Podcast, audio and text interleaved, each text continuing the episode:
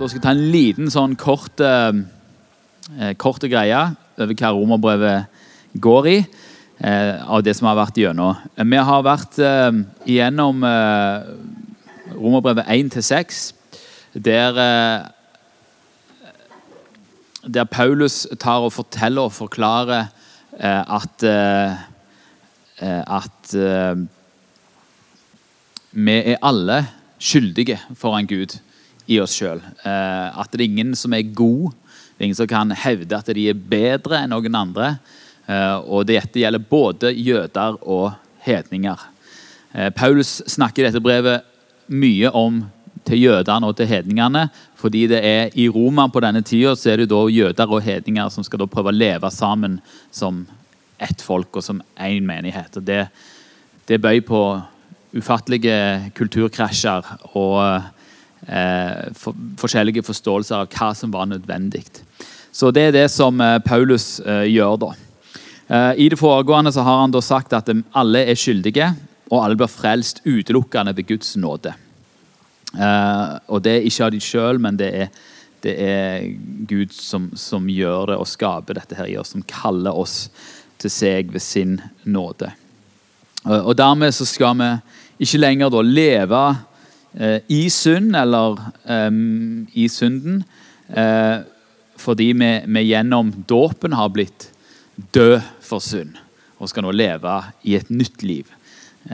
leve med eh, leve for, for, en ny herre eh, og leve et nytt liv i etterfølgelse av han. Eh, så, så eh, eh, og, og Romerbrevet 6 avslutter med at for syndens lønn er døden, men Guds nådegave er evig liv i Kristus Jesus, vår Herre. Eh, så I dag skal vi da ta for oss kapittel 7 og 8 og 9, så det er jo ganske mye. Men, eh, men ja. Vi skal begynne eh, i kapittel 7. Eh, igjen så går, så går Paulus rett på sak på en del ting.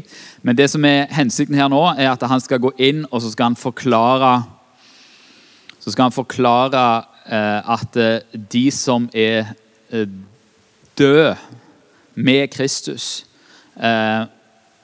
heller ikke da er bonden til syndens makt. Det er det som han sier. Nå skal vi lese det først, så skal vi gå gjennom det etterpå. Eller vet dere ikke, brødre, jeg taler jo til slike som kjenner loven, at loven hersker over mennesket bare så lenge det lever. For den gifte kvinne er ved loven bundet til mannen sin så lenge han lever. Men dersom mannen dør, er hun løst fra loven som bandt henne til mannen. Derfor skal hun kalles en horkvinne dersom hun mens mannen ennå lever, blir en annen manns kone. Men dersom mannen dør, er hun fri fra loven og er ingen horkvinne om hun gifter seg med en annen mann. Mine brødre, slik døde også dere fra loven ved Kristi legeme, for at dere skal tilhøre en annen, ham som ble reist opp fra de døde, så vi kan bære frukt for Gud. Når Paulus har her et eksempel eh, ifra loven, eh, som da handler om ekteskapet. Eh, og Nå skal vi ikke gå veldig inn i debatten om gjengifte her. Eh, jeg vil bare si kort at eh, Paulus her da sier det samme som det Jesus sier. At det å, det å være gift altså Det å på en måte leve gift Man skal leve gift, og hvis man skiller seg og gifter seg med en annen, så, så driver man da hor etter loven. Det er i henhold til det Jesus òg eh, sier. Eh, og så er det nyanser og eh, spørsmål som man kan stille rundt det.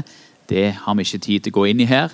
Og Grunnen til at jeg ikke går inn i det her, det er fordi at det er ikke Paulus sitt poeng i denne teksten. Uh, Paulus sitt poeng i denne teksten er, at, er å, å, vise uh, at man er bonden uh, Ektefeller bonden til hverandre så lenge de lever. Men hvis ene, den ene dør, så er de ikke lenger bonden til hverandre. Det er det som er poenget. Og akkurat som vi er bonden til, til, synden Vi er bonden til synden og til syndens makt uh, så lenge vi lever. Uh, så lenge vi er herrer i egne liv.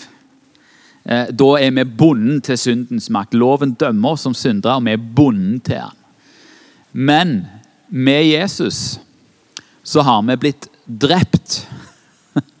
For å si det litt stygt. Men I dåpen så er vi døde. Dåpen er en begravelse.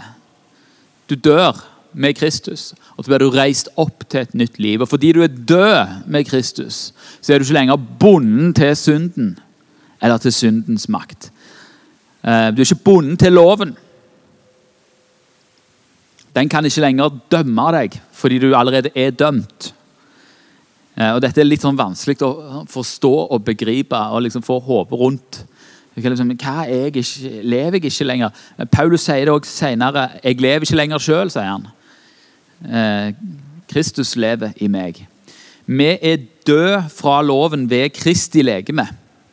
Det vil si, Jesus har dødd på korset. Og når jeg, når jeg eh, eh velger å bli døpt til Kristus i Faderens, Sønnen og Helligåndens navn, når jeg tar imot det, så blir jeg òg korsfesta med Kristus. Eh, og så jeg, står jeg opp med han i hans oppstandelse. Eh, så det er det Paulus her sier. Sånn, slik døde også dere fra loven ved Kristi legeme, for at dere skal tilhøre en annen.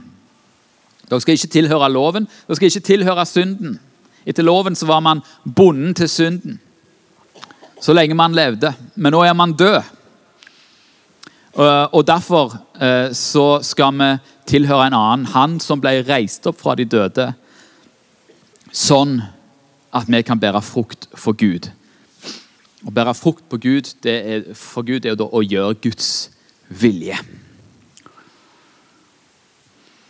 Romerbrevet 7, 5-11. Da leser vi igjen. Kommenter vi etterpå. For da vi var i skjødet, ble de syndige lystne vekket ved loven, og de virket slik i våre lemmer at vi bar frukt for døden. Men nå er vi løst fra loven, ettersom vi er døde fra det vi var fanget under, slik at vi tjener i åndens nye vesen, ikke i bokstavens gamle vesen. Hva skal vi da si? Er loven synd? Langt derifra. Men jeg kjente ikke synden uten ved loven. For begjæret hadde jeg ikke kjent dersom ikke loven hadde sagt 'du skal ikke begjære'. Men synden benyttet seg av budet og vakte alle slags begjær i meg. For uten lov er synden død. Jeg levde en gang uten lov, men da budet kom, våknet synden til live. Jeg derimot døde. Og det viste seg at budet som skulle være til liv, ble til død for meg. For synden benyttet seg av budet og dåret meg og drepte meg ved det. Eh, det som ja, eh, Paulus snakker jo også til jøder her. bare så dere vet det. Han sier jo det, Jeg snakker til slike som kjenner lovene, sier han. Det vil si til jødene. Det å være i skjøtet, det er et sentralt begrep her. Det betyr å, å være eh, i seg sjøl uten Kristus. Dette her er før Kristus, kan du si. Så ble de eh, så sier Paulus han snakker jo til jøder som hadde loven, men dette her var før de hadde tatt imot Jesus. Da vi var i skjøtet, han tar jo seg sjøl med her, for han har jo vært der sjøl, så ble de syndige lystne vekka ved loven. Altså lystne i skjøtet, det som ikke vil eh, behage Gud, det ble vekka ved loven. Og de virket slik i våre lemmer at vi bar frykt for døden. Eh, Syndens lønn er døden, sa han i slutten av kapittel 6. Og, og det, all, alt det som kjødet gjør, det fører bare til død. Eh, og hva er død? Jo, fysisk død. Eh, splittelse, ødeleggelse eh, i mennesket, mellom mennesker. Mennesket og naturen, mennesket og Gud. Det er syndens lønn. Men nå er vi løst fra loven løst fra loven. altså Vi er, vi er fri fra loven. Ettersom vi er døde fra det vi var fanget under, slik at vi tjener i åndens nye vesen, ikke i bokstavens gamle vesen. Altså, vi, vi, vi har dødd fra loven. Um, og så tjener vi nå i åndens nye vesen, ikke i bokstavens gamle vesen. Hva er forskjellen på det, da? Hva er forskjellen på åndens nye vesen og bokstavens gamle vesen? Eh, forskjellen er at eh, loven er jo på en måte, den, den, står der, og så skal du prøve etter beste evne å utføre det som står der. Åndens nye vesen, så, så, så er det det som står der, det flytter inn her. Og, og spore deg fram til å gjøre Guds vilje. Det er forskjellen. Du klarer ikke å gjøre dette, men Gud kan gjøre dette. Og Gud kan gjøre dette i deg og gjennom deg. Eh, det er åndens nye vesen. Og Så sier Paulus et retorisk spørsmål. Han har ganske mange av de. Hva skal vi da si? Det sier han ganske mye i de neste kapitlene. Er loven synd, siden det fører til synd? Siden synden blir vekka, er da loven synd? Så er han langt derifra. Men jeg kjente ikke synden uten ved loven. Hva mener jeg med det? Jeg kjente ikke synden uten ved loven. Ja, du kjente det ikke som synd. Du, du kjente det ikke som synd. Men når det står skrevet der, så kjenner du det som synd. Det betyr ikke at synden ikke var der før loven kom. Men, men, men du blir gjort oppmerksom på at det er synd, og at du er en synder ved loven. Derfor Hvis du spør folk ute i verden spør, ja, jeg er ikke så galen, jeg.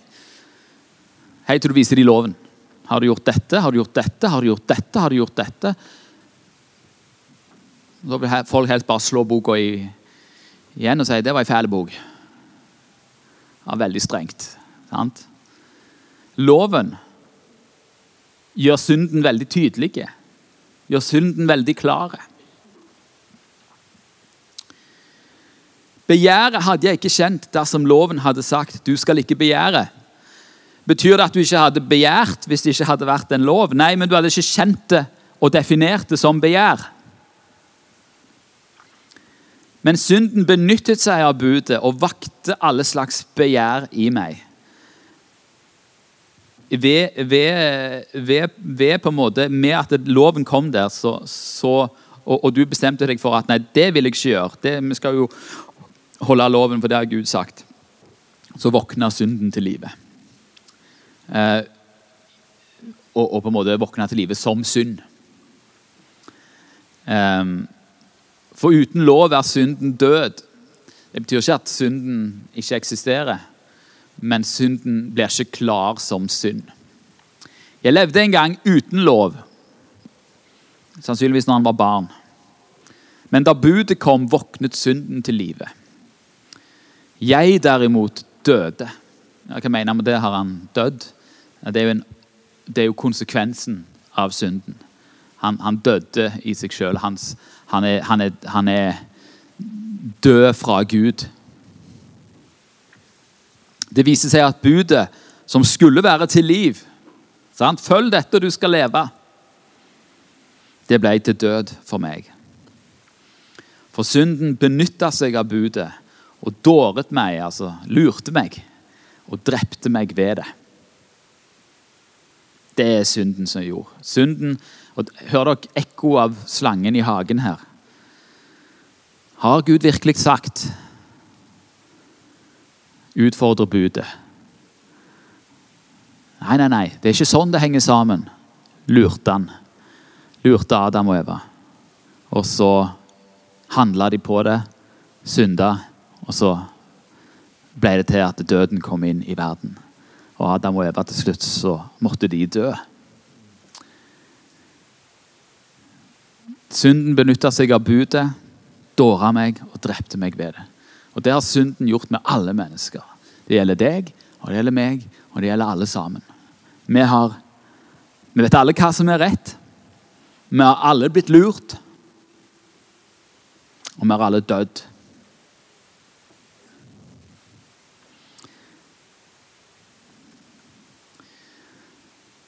kommer vi da til lovens funksjon.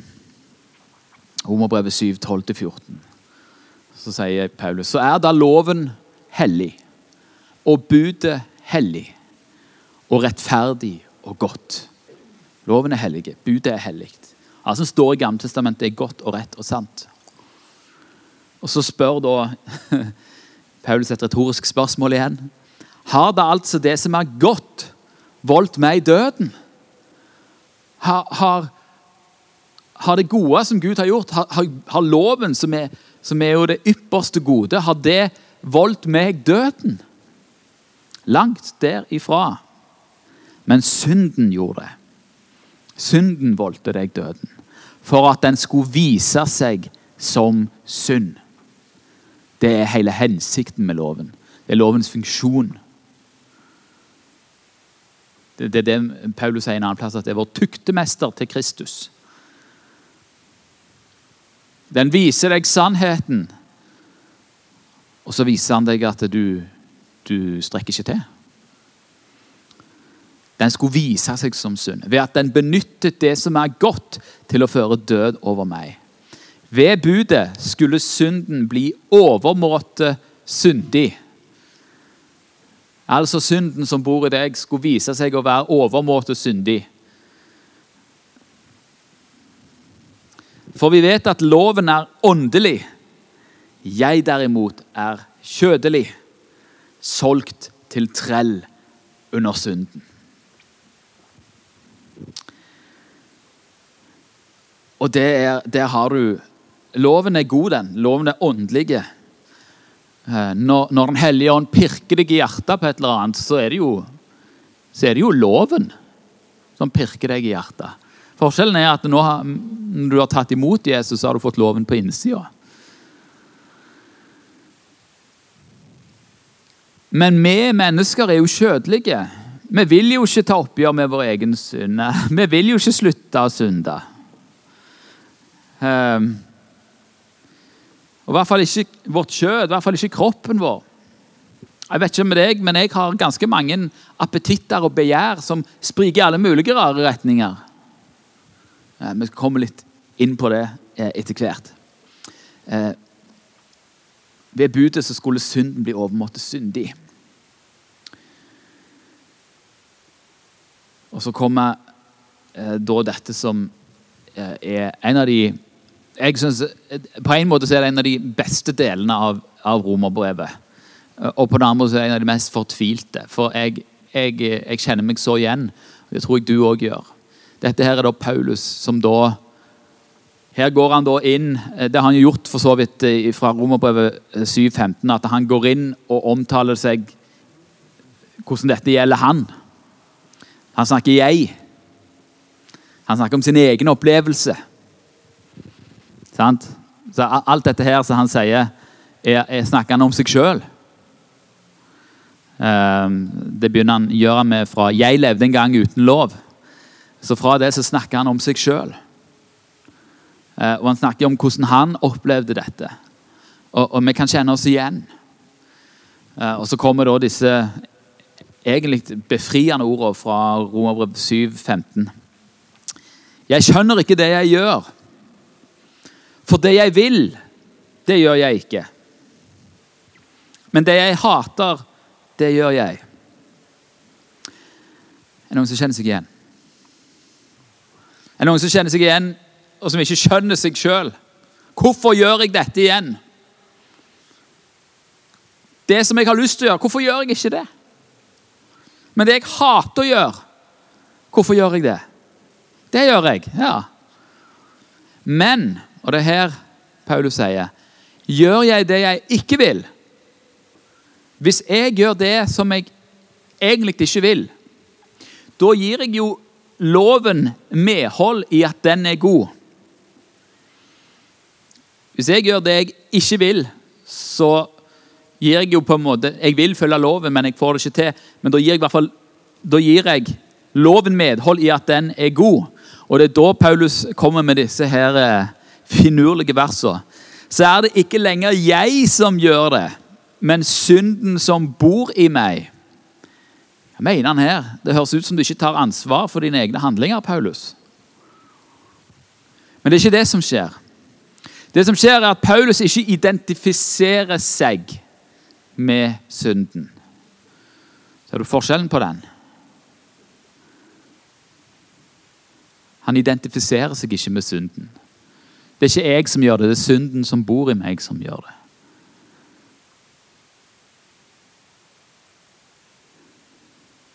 For jeg vet at i meg, det er i mitt kjød, bor ikke noe godt.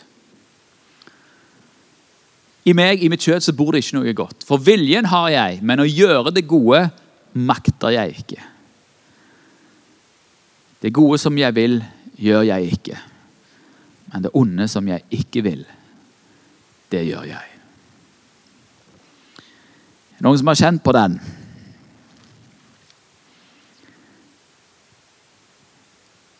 Som har prøvd å gjøre det gode, prøvd og prøvd og prøvd, og så ikke får det til. Og Det er så lett for oss da å si at uh, ja, det er håpløst for meg. Det er håpløst for meg. Det er ikke noen redning for meg. Det, det kommer ikke til å gå for meg. Da identifiserer man seg med Eller jeg kan bare gi opp. Jeg kan bare gi opp. Funker ikke allikevel. Og så, og så bare og så følger man etter kjødet der kjødet går, istedenfor å kjempe mot det. Men det gjør ikke Paulus. Han, han identifiserer seg ikke med synden. Han sier dette som synde, ja, det bor i meg. Jeg kan ikke kontrollere det. Men det er ikke meg. Det er faktisk ikke meg. Ja, det bor i meg, men, men det, det, er noe fremmed. Det er, som, det er noe som styrer meg, som jeg ikke vil skal styre meg. Men, men, det er noe fremmed. Er fre Synden er noe fremmed, folkens. Du var ikke meint til å leve i synd. Alle mennesker har synda. Alle mennesker har disse kreftene som bor i seg, men det er ikke det som er meninga. Hvordan vet vi det? Jo, for vi ser konsekvensen av synd. Det er ødeleggelse, det er død. Det er ikke liv og fred. Det splitter opp.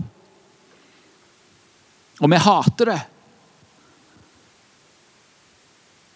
Alle vet at krig er feil. Allikevel så skyter de på hverandre i Ukraina akkurat nå. Hvorfor det? På grunn av synd. På grunn av synd. Derfor. Alle syns det er helt forferdelig. På grunn av synd.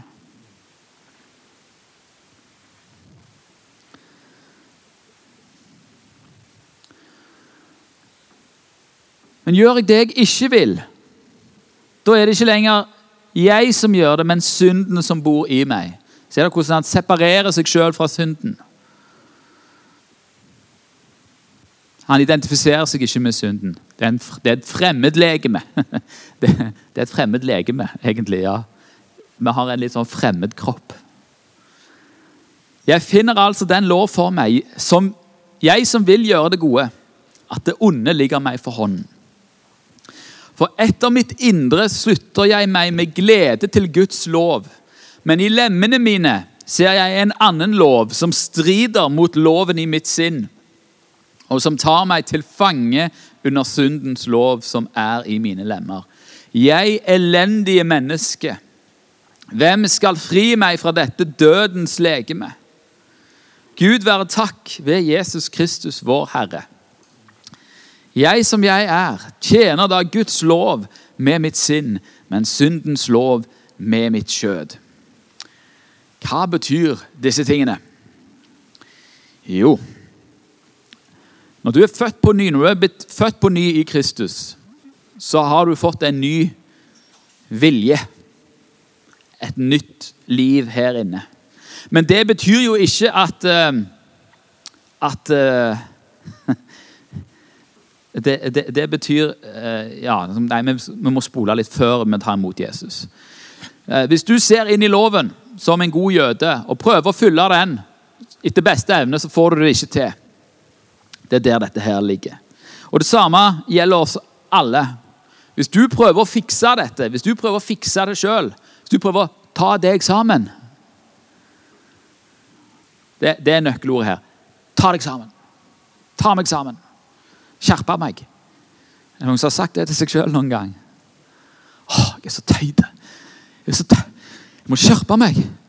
Hvorfor legger jeg meg for seint igjen? Jeg må skjerpe meg. Hvorfor står jeg ikke tidlig nok opp? Jeg må skjerpe meg. Hvorfor kan jeg ikke la være å spise ikke den chipsen? Jeg må skjerpe meg. Sant? Hvorfor kan jeg ikke bare slutte å drikke? Hvorfor kan jeg ikke bare slutte å røyke? Hvorfor kan jeg ikke bare slutte å spise snop, for å ta en sånn en ting? Hvorfor kan jeg ikke bare slutte å se på pornografi? Hvorfor kan jeg ikke bare slutte å gamble? Alle som sitter stuck i det, har lyst til å slutte, men de får det ikke til. De klarer ikke å ta seg sammen. Det er fordi at det er en annen lov. Og syndens lov,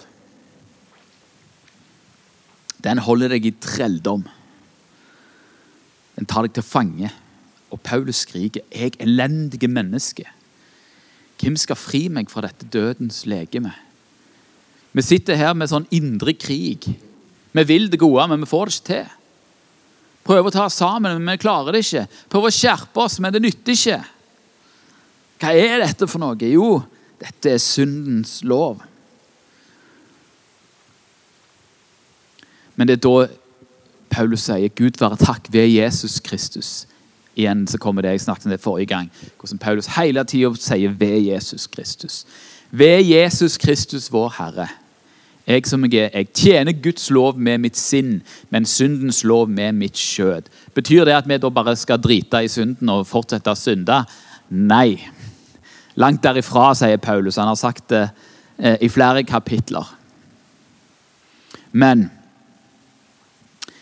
en ting som er i dette her, det er at eh, du må aldri forvente noe av ditt eget kjød. Du må aldri tro at det vil noe annet enn å bare gjøre syndige ting. For det er sånn det er. Når folk kommer til meg og bekjenner synd, så pleier jeg stort sett å si ja, du er menneske, du òg, ja. For det er det å være menneske. Å være menneske er å ha en kropp som ja, bare vil gjøre ondt. Som bare vil seg sjøl. Som bare vil strid og splid og bare vil meg, meg, meg, meg. Det, det er syndens Det er kjøttet. Og siden det ikke kan noe annet, så, så er det ikke noe vits i å prøve å snakke hardt til seg sjøl. Og sier 'skjerp deg, skjerp deg, skjerp deg', Thomas. Det kan ikke. Kjøttet kan ikke skjerpe seg. Så hva gjør vi da? Jo Her kommer Romerbrevet 8. Romerbrevet 8 er en sånn indrefilet i eh, Det er en sånn indrefilet i, eh, i eh, romerbrevet. Jeg, når jeg leste gjennom dette her nå, og har gått gjennom Romerbrevet 8, så, så er det så mange plasser i Romerbrevet 8 som på en måte treffer meg. For her kommer da Her kommer på en måte triumfen i det som Paulus har snakket om siden kapittel 1. Dette er triumfen. Jo, hva er det han sier? Jo, så er det da ingen fordømmelse for de som er i Kristus Jesus. Man blir ikke dømt til døden. Det er ingen dom vekke fra Gud for de som er i Kristus Jesus. Det er det fordømmelse betyr. For livets ånds lov har i Kristus Jesus frigjort meg fra syndens og dødens lov. Livets ånds lov. Altså den loven som den hellige ånd kommer. Den har frigjort meg i Jesus Kristus fra syndens og dødens lov. For det som var umulig for loven fordi den var maktesløs pga. kjødet Loven har ingen makt. Den kan ikke forandre deg.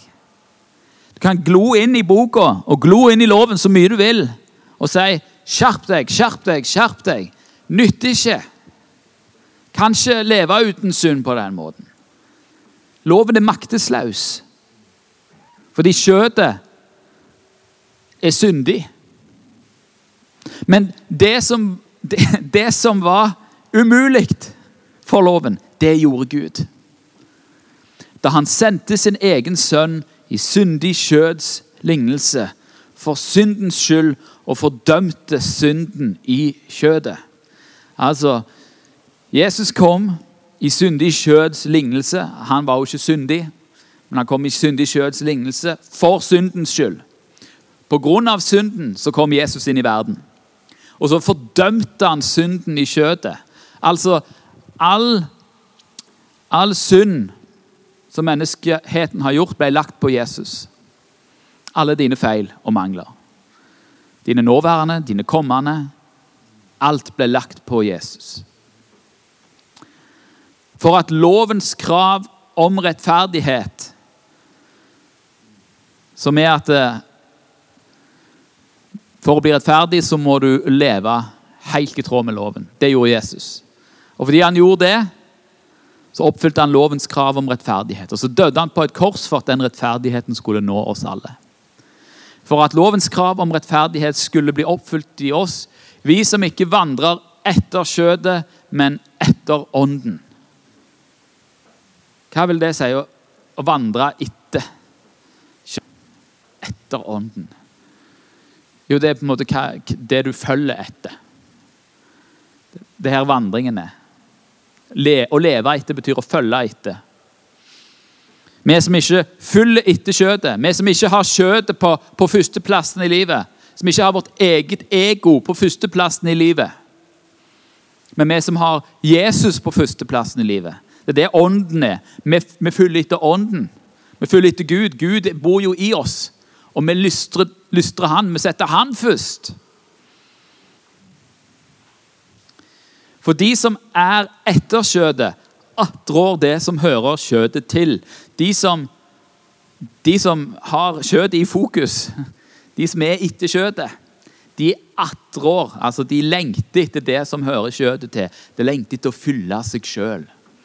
Fylle mitt ego, min ære, min, mine penger, mitt, mitt, mitt, mitt, meg, meg, meg. Men de som er etter ånden, altså de som har ånden i fokus, de attrår, altså de lengter til det som hører ånden til. For kjødets attrå, lengselen til kjødet, det er død. Det er fiendskap. Det er det som skjer når du krangler med mor di og kona og mannen og ungene dine. Og, og, og, og alles viljer står opp mot hverandre. Meg, meg, meg, meg, meg, meg. meg. Sier ikke at du har feil i den situasjonen, nødvendigvis. Men, men du skjønner greia. Hvorfor, hvorfor krangler vi? Jo, fordi jeg kommer fra mitt perspektiv. Meg.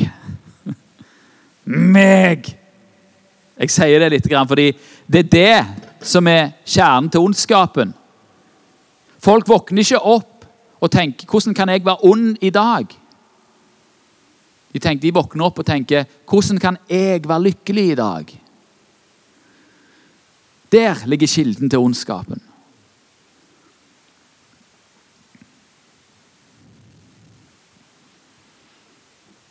Du vet, eh, Putin han invaderer ikke Ukraina fordi han hater ukrainere, men fordi han elsker Russland.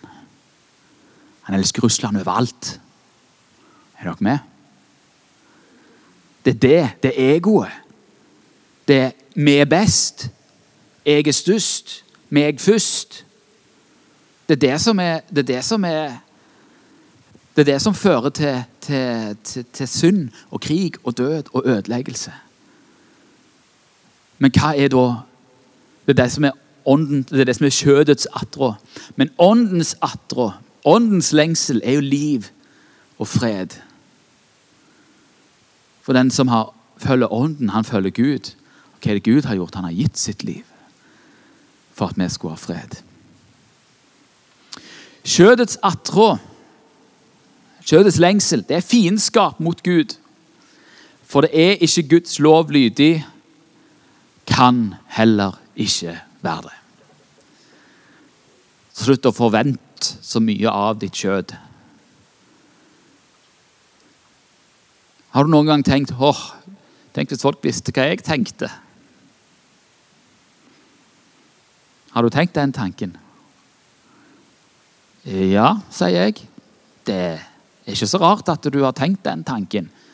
Mange andre òg har tenkt de tankene. Sikkert alle sammen. Hva da for? Fordi, fordi kjøttet kan ikke være Guds lov lydig. Hele tida så får vi sånne idiottanker. Kjødet kan ikke lyde Gud, så ikke krev så mye av det.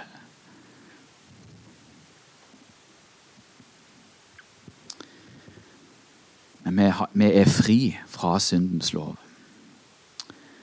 Og Her ligger det òg håpet om legemets oppstandelse. Romerbrevet 8-11. For de som er i kjødet, dvs. Si de som er uten Gud, som ikke har tatt imot Jesus, kan ikke være Gud til behag. Men jeg er jo god, jeg. Jeg kjenner mange gode folk, men de er ikke Gud til behag. De er veldig gode på overflaten, men pirk litt i dem.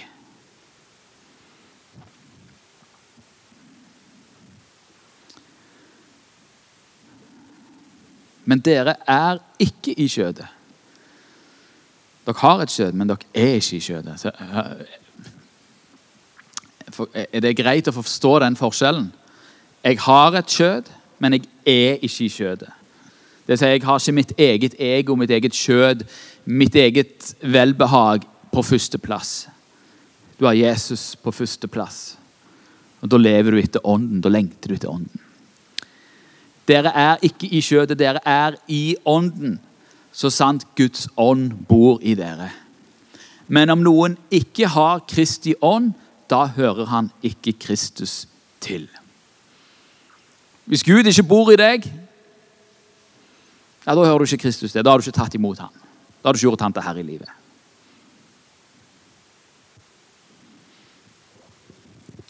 Dersom Kristus bor i dere ved Den hellige ånd, da er nok legemet dødt pga. synd, men ånden er liv pga. rettferdighet.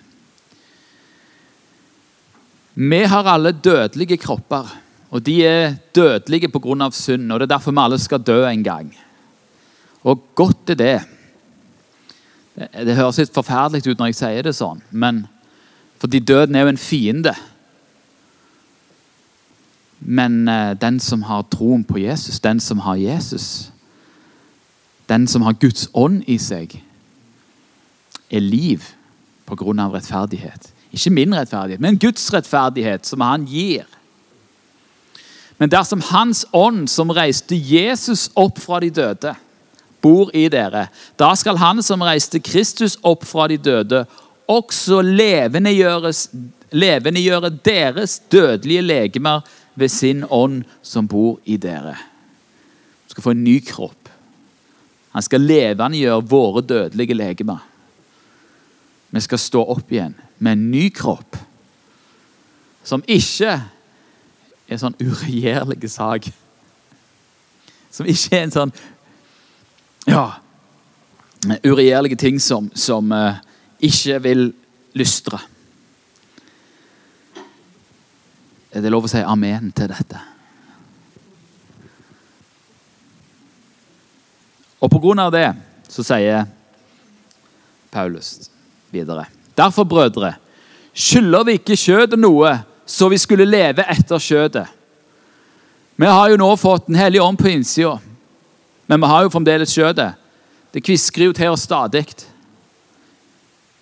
Vi trenger ikke å fylle det. Vi trenger ikke å fylle etter det. Hvorfor skulle vi leve etter det? For dersom dere lever etter kjødet Hvis dere, hvis dere etter å tatt imot Jesus tenker ja, det var ikke fint å være, ha tatt imot Jesus, og så bare peller meg av gårde og fyller mine egne lyster, da, da skal vi dø. I åndelig forstand dø. Vi må omvende oss. Det er ja, men eh, gjerninger, da? Er det, er det gjerningene som frelser? Nei, det er ikke gjerningene som frelser. Det er Guds nåde som frelser. Men hvis du har møtt Guds nåde, og hvis du har møtt Guds ånd, og Guds ånd bor i deg, så har du ikke lyst å synde. Det kan være du faller i synd, men du har ikke lyst til det. Det du har lyst til, er å gjøre hans vilje. Det er det du har lyst til.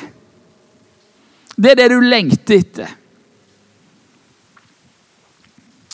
Men dersom dere ved ånden tar livet av legemets gjerninger, skal dere leve. Her er det mye krigssnakk. Det er mye sånn slåssing. Du skal ta livet av legemets gjerninger. Det høres brutalt ut. Hva, hva er det? Hvordan tar vi livet av legemets gjerninger? Hvordan er det til forskjell fra 'skjerp deg'? Skjerp deg.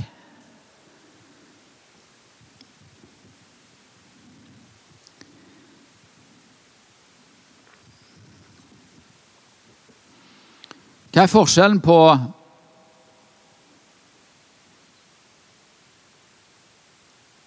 Hva, er forskjellen på, på, eh, når du står i møte med en fristelse, eller du står i møte med, med, med, med noe som du vet er galt, eller ting kommer over deg. Hva er forskjellen da på det å ta seg sammen og det å ved ånden ta livet av legemets gjerninger? Hvordan ser det ut?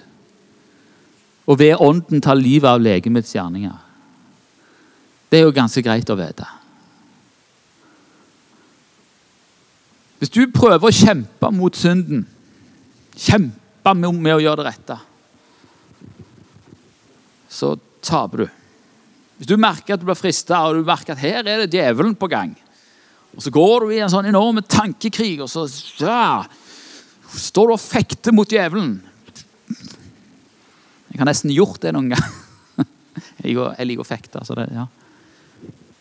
Du taper. Du taper. Du kan ikke slåss mot djevelen. Sorry. Jeg, jeg, jeg skulle ønske at det ikke var sant. For jeg har litt lyst til å slå djevelen. Jeg, jeg, har, litt, jeg har lyst til å vinne over synden. Men jeg kan ikke vinne over synden. For hva hadde skjedd hvis jeg hadde vunnet over synden? Hva hadde skjedd da? Jeg hadde blitt stolt. Se på meg. Jeg skal vise deg hvordan du skal vinne over synden. Du bare Du bare skjerper deg, du bare tar deg sammen. Du bare Nei, hva gjør du da når synden står der og stirrer deg i ansiktet? Du roper om hjelp. Du roper om hjelp. Du sier 'Hjelp, Jesus'. Så kommer Jesus. Er noen som har fått uh, dørselgere på døra? Vi hadde en dørselger når jeg bodde på Bryne, som kom og skulle selge oss Eh, ting i, i altså sånne røykvarslere. Eh, og kom der og fortalte meg masse ting. Og sånne ting. Og så, så kunne jeg da si at eh, eh, Beklager, men vi leide huset. Det er ikke mitt hus. Du må ta dette opp med husets herre. Er du din egen herre? Er du din egen herre. Når synden kommer på døra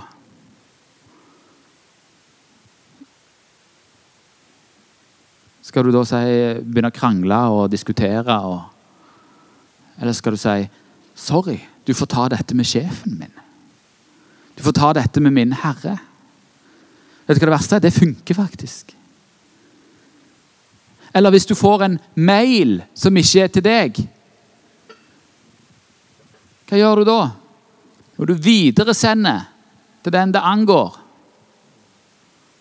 Jeg er ikke min egen herre. Jeg har kalt Jesus min herre. Så Det betyr at alt som kommer av Jeg får ikke alltid til dette. Men jeg vet at alt som Jeg vet, jeg vet hvor jeg skal gå med synden. Synden som jeg, jeg videresender disse tankene til Jesus. Du får ta det med min herre. Jeg vet ikke egentlig hvordan det går i det åndelige på de tingene der. Men jeg vet at hvis djevelen banker på døra, når, og så er det Jesus som åpner døra Så har han ikke lyst til å komme så mange ganger. Det er å ta livet av legemets gjerninger ved ånden. Ikke ved deg sjøl. Nei, du henviser den. Hellige ånd, dette er for deg. Jesus, dette er for deg. Jeg er ikke min herre, det er du som er min herre. Du får, du får deale med dette. Jeg, jeg, jeg, klarer ikke å deale med det. Jeg er jo død. Jeg Ja. Gir dette mening? Det er litt vanskelig.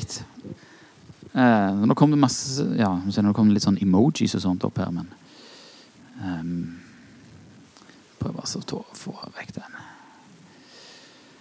Yes. Og hvis vi gjør det, så skal vi leve. For så mange som drives av Guds ånd, de er Guds barn. Drives, det er jo på en måte Der er vi litt sånn passive. At, vi, at Den hellige ånd driver oss driver oss til seg. Det er derfor Den hellige ånd gjør jo at vi heller aldri kan, kan være komfortable med synd i vårt eget liv. Det må bekjennes. Det må ut i lyset. Vi skal ikke kjempe med det på egen hånd, vi skal få det fram i lyset, sånn at det kan miste sin kraft. Dere fikk jo, ja, dere fikk jo ikke trelldommens ånd, så dere igjen skulle frykte. Du er ikke en slave av synd lenger. For slaven av synd, han er redd for Herren. Han er redd. En slave er redd for Herren. Har jeg gjort det godt nok nå? Han ser seg over skuldra, prøver å streve for å gjøre ting så hardt som han vil. Men dere har fått barnekårets ånd som gjør at vi roper 'Abba, far'. Hva betyr det? Jo Er ikke Gud min herre? Jo. Jo, det er han. Han er kongenes konge, han er Herrens herre, han er min herre. Men han er òg min far. Altså, du har et Jeg, jeg pleier å sammenligne det med eh, En gardist er litt redd for kongen. Er du med på det? Han er kongens tjener. Han må stå veldig stramt og gjøre ting rett. og sånt, og Hvis han ikke står ting stramt, så blir kongen sint på han.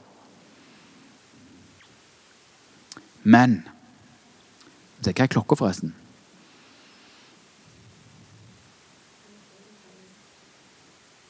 Ja, så vi må, burde egentlig tatt en liten pause snart. Um, uh, ja, men vi, vi er snart ferdig. Vi skal ta dette her. Men vi har en relasjon til Gud som, som kronprins Haakon. Han har òg kongen som sin konge. Han har òg kongen som sin herre. Vi har en litt annen relasjon. Det kan godt være at han hilser på kongen og sier Deres Majestet når de liksom møtes sånn, sånn formelt. Og så er det ja, 'Hvordan går det da, gutten min?' Abba betyr jo pappa. Vi har barnekår som gjør at vi roper 'pappa, far'. Og Ånden sjøl vitner sammen med, med, vår ånd at vi er Guds barn. Det er den Gud, jeg elsker deg. Fordi du elsker meg først. Og jeg får lov å være ditt barn pga. det Jesus har gjort. Og Derfor er jeg ikke redd for Gud. Vi har jo fått barnekårets ånd. Altså, vi er Guds barn. Uh, og lenge så, så forsto jeg dette her eh, um, Så forsto jeg dette her som en søndagsskoleelev. Uh, for, for, jeg syntes? Og ja, alle, altså, Vi er Guds barn, vi er Guds barn. Sant? Alle barna komme til meg, og den som tok imot han, de kan rett og bli Guds barn. Det er sånn, Guds barn, altså det, det er liksom Som om jeg er en liten unge. Men det er jo ikke det som står. Det er ikke sånn vi skal forstå barn. At du er en liten unge. For jeg husker når jeg da ble ungdom, så var dette her sånn Guds barn, ja, ja, ja. Altså det. Men det er det som kommer her. det var litt mer eh, Det satte det litt i perspektiv for meg. Men er vi barn, da er vi også arvinger. Da våkna Ungdoms-Thomas til. Arving, det hørtes bra ut. Vi er Guds arvinger og Kristi medarvinger.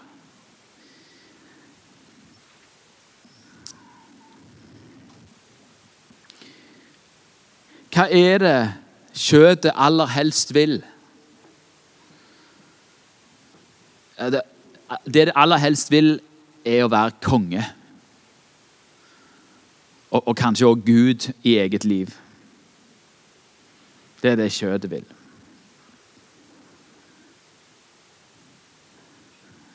Og Problemet med det er jo at eh, kjøttet kan prøve så mye du vil, men det blir aldri konge. Og hvis det blir konge, så blir det ikke Gud. Og, du, og, og, og kjøttet skal dø en gang. Men vi er Guds barn og hans arvinger. Vi er Guds arvinger og Kristi medarvinger. Har du sett på universet? Aner du hvor svært det er?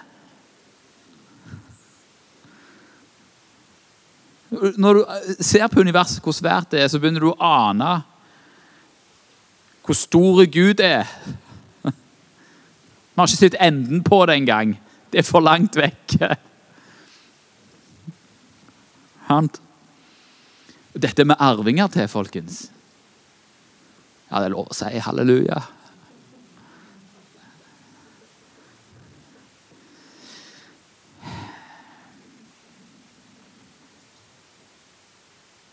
Guds arvinger og Kristi medarvinger. Medarving med Kristus. Kristus har arva alt, og vi har arva med ham. Og Så kommer den haken da, som jeg ikke var så veldig begeistra for, eh, eller som jeg hoppet galant over når jeg, eh, når jeg leste dette her som ungdom. Så sant vi lider med ham, for at vi også skal herliggjøres med ham. Hva snakker Paulus om her? Eh, jo, de første kristne For de så var det brennende klart. Altså Det å følge Jesus kan bety at du blir slengt opp på et kors, eller blir gitt til løver, eller blir piska eller må lide. At du blir fratatt rettigheter, at du blir utestengt av synagoger og det gode selskap. At du blir lyst fredløs. At du blir fremmedgjort, umyndiggjort, latterliggjort. Det, det var man innforstått med. Det var en del av pakken. Det var derfor òg man sa 'jeg er død med Kristus'. Jeg lever ikke lenger sjøl. Hvis, hvis, vi Hvis vi har sagt ja til Jesus så har vi òg sagt ja til alt det som følger med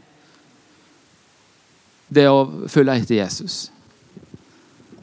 Det vil si at ja, det er ikke alle som kommer til å like deg. Ja, du kommer til å bli latterliggjort. Ja, du kommer til å bli hata. Det kan være at du blir satt i fengsel. Det kan være at du blir forfulgt. Det er en del av pakken. Du trenger ikke være redd for det. Gud kommer til å være med deg igjennom det. Alltid sammen. Og her er det jo Vi skal lide med Han for at vi òg skal herliggjøres med Han.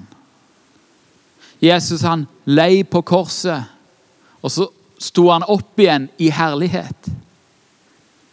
Og, og, og, og, Det interessante her er jo at det, det som skjer med Jesus, det skjer jo òg med alle disiplene. Det skjer jo òg med Jesus sine etterfølgere. De blir òg drept med et løfte. At de òg skal herliggjøres med Kristus.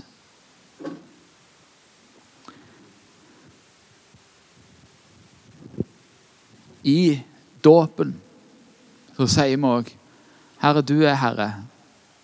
Om det går bra med meg, eller om det går dårlig med meg. Om eh, verden hyller meg, eller om verden fornedrer meg. Det eneste som betyr noe, er din ære. Jeg vil ha Guds ære, ikke verdens ære. For verden kan ikke frelse deg, men det kan Gud. Og så sier Paulus, for jeg er overbevist om at den nåværende tids lidelser ikke er for noe å regne mot den herlighet som skal åpenbares på oss. For skapningen venter og lengter etter at Guds barn skal åpenbares. Hva er den nåværende tids lidelser? Jo, det er alt det jeg nevnte. All motstand du kan få pga. at du tilhører Jesus. Men det er jo òg eh, denne kampen mot synden. Det er òg en lidelse. Visste dere det? Eh, eh, det er litt greit å høre Paulus, som på en måte vi i hvert fall anser som han, han er helt der framme. Han har den tjenesten nå. Han sier om seg sjøl 'jeg er elendige menneske'. Og hvis du sier om deg sjøl 'jeg er elendige menneske', så ja. Jeg forstår. Jeg kjenner det òg sånn. Av og til så river jeg meg sjøl i håret. Og du ser hvordan det har gått.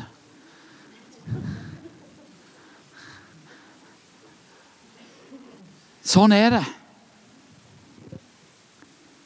Men det er ikke for noen ting. og det kan være kroppslige lidelser òg. De dere som blir eldre, begynner kanskje å kjenne at eh, skavankene begynner å bli flere. Orker ikke like mye som før. Det begynner liksom å gå nedover med helsa. Det òg er en del av lidelsene. Men den nåværende tids lidelser er for ingenting å regne mot den herlighet som skal åpenbares på oss. Når at vi står opp igjen til et evig liv, og du får nye kropper som aldri skal dø, og, som ikke, ja, og det ikke skal være synd og død og ingenting i en evighet, da er dette her piece of cake. Så vi må gjelde å ha et litt lengre perspektiv. Og så står det at skapningen, altså skaperverket, venter og lengter etter at Guds barn skal åpenbares. Hvorfor gjør det det? I Romerbrev 8, 2023. Jo, skapningen ble jo lagt under forgjengelighet. Forgjengelighet det betyr at det skal dø en gang. Det betyr, altså, Skaperverket òg er forgjengelig. Ikke frivillig, men etter hans vilje, som la det under forgjengelighet. Det var Gud som la skaperverket under forgjengelighet. I håp om at også skapningen skal bli frigjort fra trelldommen under forgjengeligheten.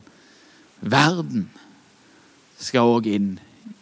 Det skal bli en ny himmel og en ny jord. Ja, verden skal forgå, men så skal det bli en ny himmel og en ny jord. En uforgjengelig verden. En uforgjengelig skapning som ikke er underlagt død. Ja, og Skapning skal bli frigjort fra trelldommen under forgjengeligheten og, nå fram til Guds barn i herligheten. Så du ser Jesus sin død på korset det, det forløser ikke bare menneskeheten, men hele skaperverket. På grunn av Adam så la Gud hele skaperverket inn for, under forgjengeligheten. Og gjennom Jesus Kristus så skal hele skaperverket bli dratt ut av forgjengeligheten. For vi vet at hele skapningen til denne stund sukker sammen og stønner sammen som i veer. Skaperverket sukker og stønner. Ja, ikke bare det, men også vi som har fått Ånden som førstegrøde. Vi som har fått Den hellige ånd. Også vi sukker med oss selv. Mens vi lengter etter vårt barnekår vårt legemes forløsning. Altså frikjøpingen av legemet. Noen som kjenner ah, av og til ah, Det er et slit. Det er et slit. Hvorfor skal jeg slite? Det er et slit. Ja, dette er konsekvensen av synd.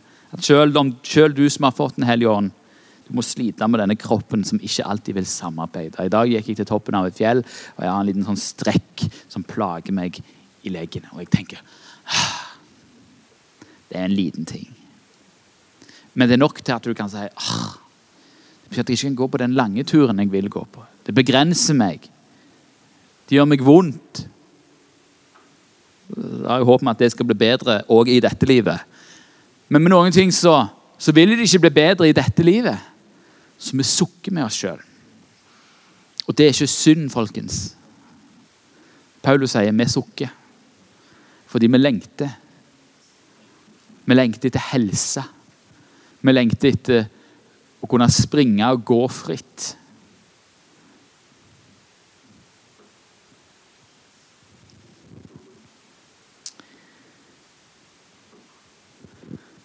For i håpet er vi frelst. I håpet på Jesus Kristus, i håpet på dette, så er vi frelst. Men et håp som en kan se, er ikke lenger noe håp. Hvorfor skulle en håpe på det en allerede ser? Det er derfor vi har håp, fordi vi ser det ikke ennå. Vi håper på vårt legemes forløsning. Vi ser det ikke ennå. Det er derfor det er et håp. Men dersom vi håper på det vi ikke ser, da lengter vi etter det med tålmodighet. Hvorfor må vi holde ut i strømkriser og trusler om krig. Og det er så mye Også jobben. og så, så Fram og tilbake, og det er så strev, og det er så ork. Jeg er så trøtt, jeg er så lei. Noen som kjenner seg igjen? Okay? Du lengter etter noe bedre. Og så lengter vi litt med tålmodighet. Og så er det her det, det, det her det begynner å bli bra. Og Her kommer også Ånden oss til hjelp i vår skrøpelighet. Hellige kommer oss til hjelp i vår skrøpelighet. Når Paulus sier her at du er skrøpelig ja, Gud vet at vi er skrøpelige. Det er greit å være skrøpelige. Folk i vår tid kjefter på seg sjøl fordi de er skrøpelige. Fordi vi tenker at vi skal være supermennesker. Ja, du er ikke det. Du er skrøpelig. Deal with it. Når jeg sier det, så, er det Kom til fred med det. At du er begrensa. Men vi har en hellig ånd som ikke er begrensa. Han kommer oss til hjelp i vår skrøpelighet. For vi vet ikke hva vi skal be om slik vi burde. Og det er dette som er betryggende, da. Hva om jeg ber feil? Men Ånden sjøl går i forbønn for oss, med sukk som ikke rommes i ord. Helligånd ber for oss til Gud. Tenk det. Den hellige ånd, som er Gud, ber for deg til seg sjøl, til far. Men han som gransker hjertene, vet hva ånden trakter etter. Far vet hva ånden trakter etter. For det er etter Guds vilje han går i forbønn for de hellige. Gud far vil at Gud den hellige ånd skal be for de hellige. Tidligere her så har vi snakket om for av han, ved han og til ham er alle ting. Og det er det, det, er det Ja. Når du ber Tror du du ber fordi du kommer på at du skal be? Tror du det er din vilje? Det er Gud som jobber igjennom deg. Det å ville be.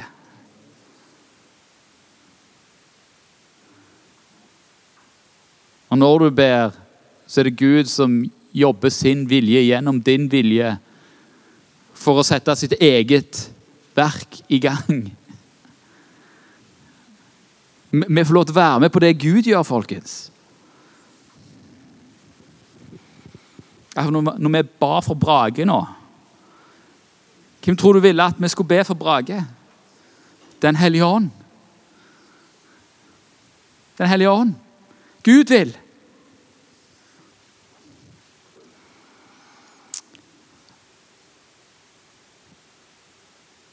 Får vi, også komme et av de versene som har på en måte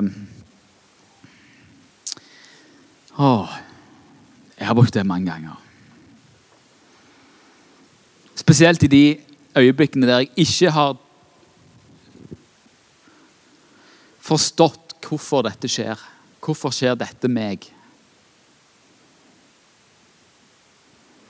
For vi vet at alle ting samvirker til gode for dem som elsker Gud. Dem som etter Hans råd er kalt. Hva betyr det? Det betyr jo ikke at alle ting er gode. Altså, for, altså Å bli forfulgt er jo ikke et gode. Det, det, er ikke Ja. Det er ikke sånn Gud ønsker at det skulle være. Men sjøl de tingene snur Gud til gode for de som elsker ham. Alt tjener til syvende og sist til gode for de som elsker Gud. De som etter hans råd er kalt. Selv om vi ikke skjønner det, så skal vi en gang skjønne det. Hvorfor må jeg gå gjennom dette, spør vi oss sjøl. Hvorfor må jeg rammes av dette? Hvorfor må jeg?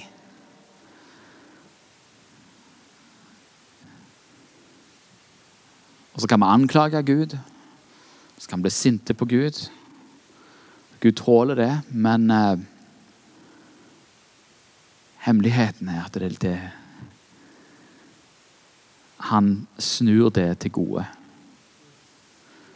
Jeg, jeg tenker på Josef som blir forlatt av brødrene sine. Som blir solgt av brødrene sine til Egypt. Det er ikke en veldig god opplevelse. Det er ikke et gode som skjer han. Det er ikke godt. Han blir bare utsatt for urettferdighet på urettferdighet. Først så blir han solgt av brødrene sine. Så blir han falskt anklagt i Potifars hus. Og så blir han fengsla. Og der nede så blir han glemt og svikta. Og så til slutt så snur Gud det til gode.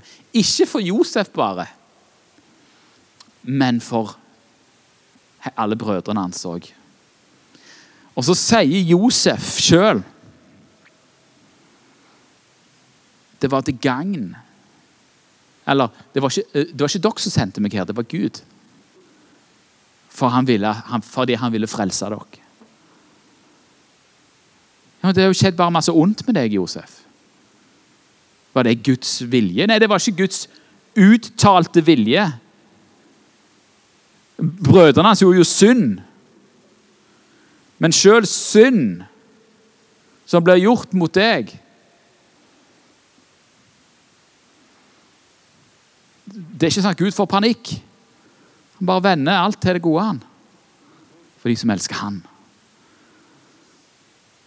Ingenting av det du går gjennom, er forgjeves, du som tror på Jesus. Ingenting av det du går gjennom, er forgjeves, du som tror på Jesus.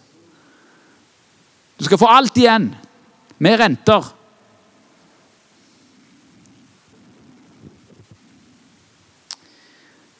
I den siste ledserien her så kommer man da inn i eh, eh, på en måte en, hva skal vi si, en, et intellektuelt spørsmål som kristne har spurt seg om eh, til mange tider. Dem som etter hans råd er kalt. Nå skal vi inn i Romerbrevet 8, 29-30. Så nå blir det et litt annet fokus, som blir på en litt sånn intellektuell øvelse. Eh, som er litt vanskelig å forstå. Og så skal vi se hva som egentlig er Paulus sitt poeng med å skrive dette. For den som han forutkjente, dem har han også forutbestemt til å bli likedannet med hans sønns bilde. For at han skulle være den førstefødte blant mange brødre. Og den, dem som han forutbestemte til dette, dem har han også kalt. Og dem som han har kalt, dem har han også rettferdiggjort. Og dem som han har rettferdiggjort, dem har han også herliggjort.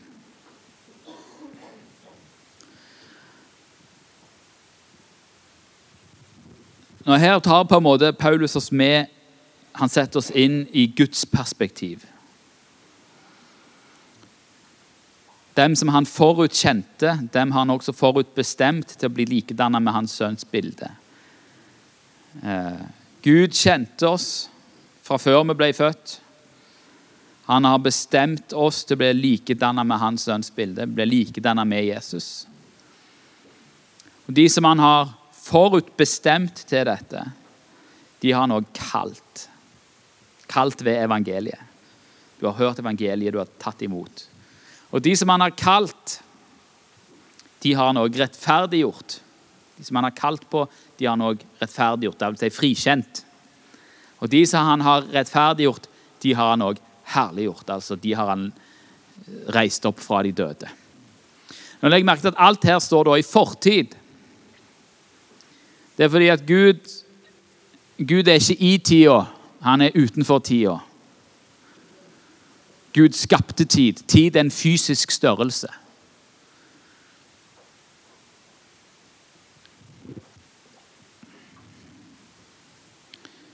Det betyr at Gud vet hvordan alt ender. Gud har sett alt. Det, det, er litt sånn Det er litt sånn som når du leser ei bok. Kan du gå fram og tilbake. Du, du kan gå inn Du er ikke i boka. Er du med? På samme måte er Gud utenfor boka. Så har han jo blitt en del av boka da, fordi han har skrevet seg sjøl inn i sin egen historie gjennom Jesus. Det er et litt dårlig bilde, men det sier likevel noe om Guds perspektiv. Han står utenfor. Han er fra evighet til evighet. Han er allmektig og allvitende. Og det er det som da, det som da blir spørsmålet her, er jo Har Gud uh, det Her kommer inn på en måte predestinasjon. Har Gud eh, bestemt på forhånd hvem som skal bli frelst? For det er sånn det høres ut som. Vi kommer tilbake her seinere. Mye i Paulus kan tyde på det. Han snakker i hvert fall på en sånn måte. Og så er det, ja, men Hvordan henger det på greip da med at Gud vil at alle mennesker skal bli frelst?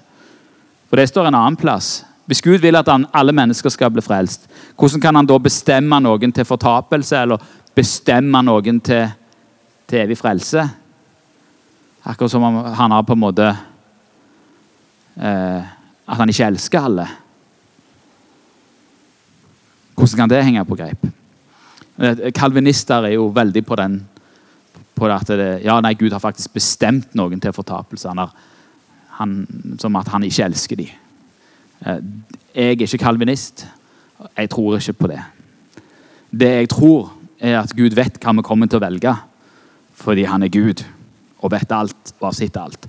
Og han visste det når han skapte hvem som kom til å forlate han, hvem som kom til å ta imot hans, hans tilbud. Det visste Gud på forhånd. Det er ikke dermed sagt uh, at uh, Gud bestemte det sånn. Men på en måte så kan du si han bestemte det sånn fordi han visste det når han skapte det. at det kom til å bli sånn. Men det, det fraskriver ikke oss vårt ansvar allikevel. Vi skal komme tilbake til det, for det kommer litt senere i kapittel 9. Eh, akkurat dette. Der Paulus egentlig er veldig på, på den ballen. da. Um, men ideen om predestinasjon er litt sånn Ja, det gir mening ut fra Guds perspektiv, men det gir ikke mening ut fra vårt perspektiv. Vi er fremdeles ansvarlige for våre valg, og vi er fremdeles ansvarlige for uh, For uh, Fremdeles ansvarlige for, for hvordan vi responderer på evangeliet. Men det vi da kan, vi da kan si med, med klinkende klar tydelighet, det er at det ikke er tilfeldig at du er her i dag. Ikke, det, det, jeg sier det igjen, det er ikke tilfeldig at du er her i dag. For Gud visste at du kom til å være her i dag. Han vet hvor du kom til å være hen i morgen. Og her og nå så er det mulighet til å ta til seg av Gud, ta til seg av Guds ord og ta til seg av hvem han er, for et møte med Jesus. Det er derfor vi er her.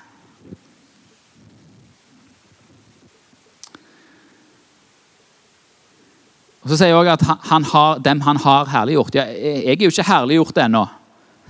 Jeg har fremdeles mitt gamle skjød. Hvor er min oppstandelse hen? Jeg ser jo ikke den ennå. Nei, jeg er jo ikke det i tida. Men Gud ser jo fra sitt perspektiv.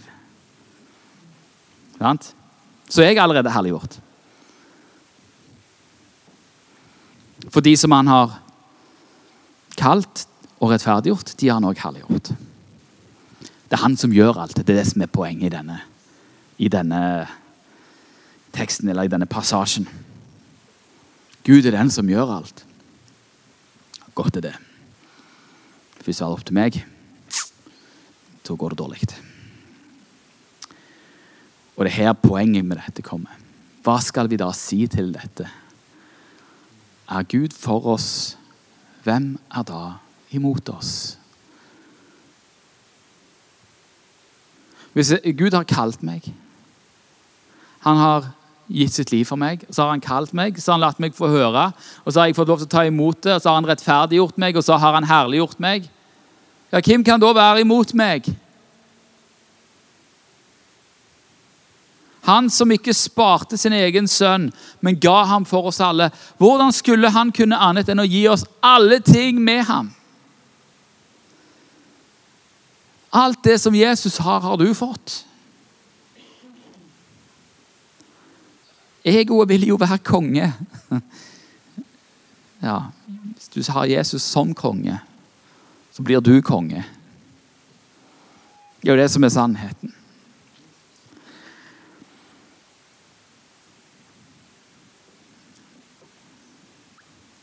Hvis Gud er for deg, betyr det ikke så mye hva naboen sier. Eller hva norske myndigheter måtte mene. Gjør det vel? Nei, de gjør jo ikke det. Så, så ikke bekymre deg for de tingene da.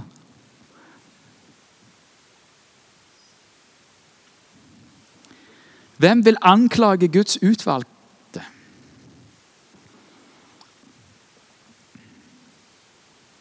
Gud har jo valgt oss ut. Han har kalt på oss. Gitt oss Den hellige ånd. Vil du anklage meg for noe? Ja, ja. Gud er den som rettferdiggjør. Gud er den som frikjenner. Det er det som er hans svar. Hvem er den som fordømmer? Kristus er den som er død, altså som har blitt fordømt. Ja, mer enn det. Som er blitt reist opp. Som også er ved Guds høyre hånd. Som også går i forbønn for oss. Så ikke bare går Den hellige ånd i forbønn for oss, men Jesus Kristus sjøl går i forbønn for oss. Ja, Vi kan ikke frelse oss sjøl, men Jesus kan. Tror du Gud far hører Jesus sine forbønner? Tror du Gud far hører Den hellige ånd sine forbønner? Tror du du er overlatt til deg sjøl? Tror du dette kommer til å gå bra? Ja, det kommer til å gå bra. Uansett hva du måtte møte i livet, så kommer det til å gå bra. Fordi Jesus bor jo i deg. Det er han som har rettferdiggjort deg. Det er han som gjør verket. Det er ikke ditt verk, det er hans verk. I deg, i oss alle.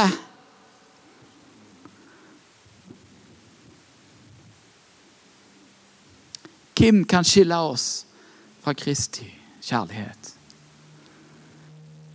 Kan trengselen gjøre det? Kan angsten gjøre det?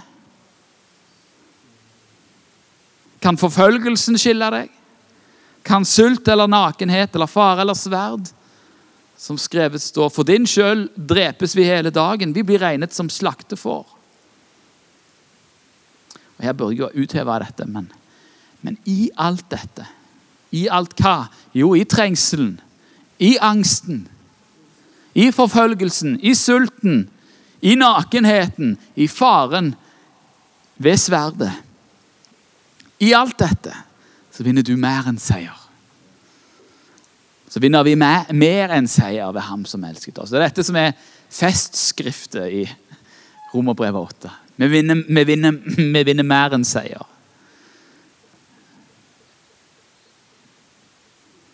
Altså Alt dette Du vet, all forfølgelse som du ikke svarer på kjøtelig vis, men svarer med tilgivelse det blir, vet at det er, det, det, det er som å sette penger rett i banken.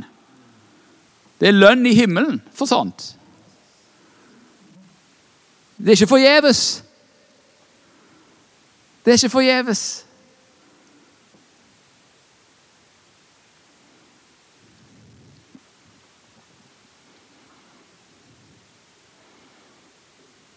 Det er enten seier eller mer seier.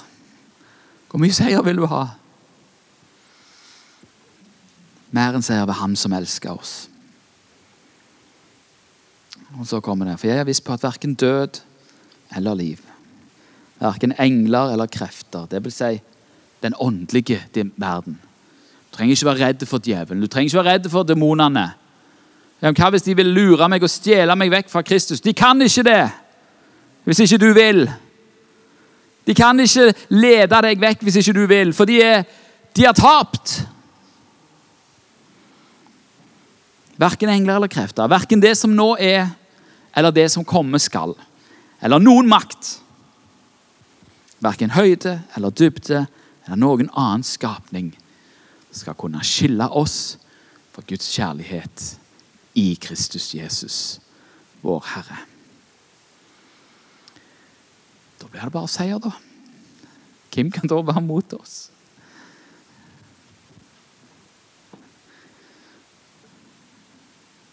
Er du redd? Frykt ikke.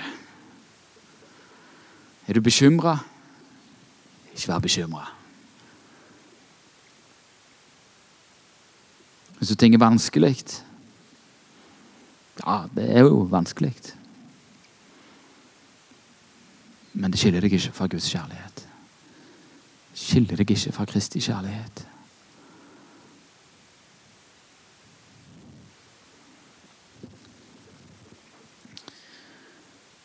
Dette er slutten på Romerbrevet 8. Eh, vi skal nå gå over i Romerbrevet 9. Bruke de siste 20 minuttene der. Her slutter òg den delen som, som der, der, Paulus beskriver eh, rettferdiggjørelsen og hvordan vi blir rettferdiggjort. Og Hvis du tenker på den reisen da fra Romerbrevet 1, der det er ingen som gjør det gode. Alle er forderva. Alle har gått sin egen vei. Alle fortjener med Guds fred og Guds dom til dette. Guds arving. Guds arving i Kristi kjærlighet. Ingenting kan stå imot det. Ingenting kan ta det fra deg. Hvis du holder fast på det. Hvis du holder fast på Hans nåde på hans godhet. Det er litt av en reise.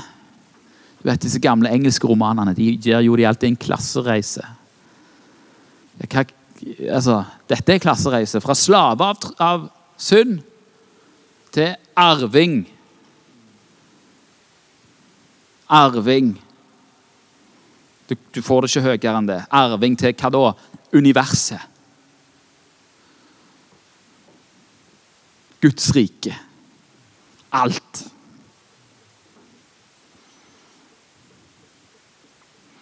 Ja, jeg gleder meg til det som kommer. Jeg håper du gleder deg til det som kommer. Det er sannheten om hvem du er. Det er det Paulus ville ha banka inn her. Dette er sannheten om hvem jeg er. Og når du tar det inn, hva sier du da? Du sier takk, Jesus. Takk, Jesus, at jeg får lov å ta imot dette. Takk, Jesus, at jeg får lov til å være en del av dette. Takk, Jesus, at du har frelst meg. Takk, Jesus, at jeg får lov til å være ditt barn.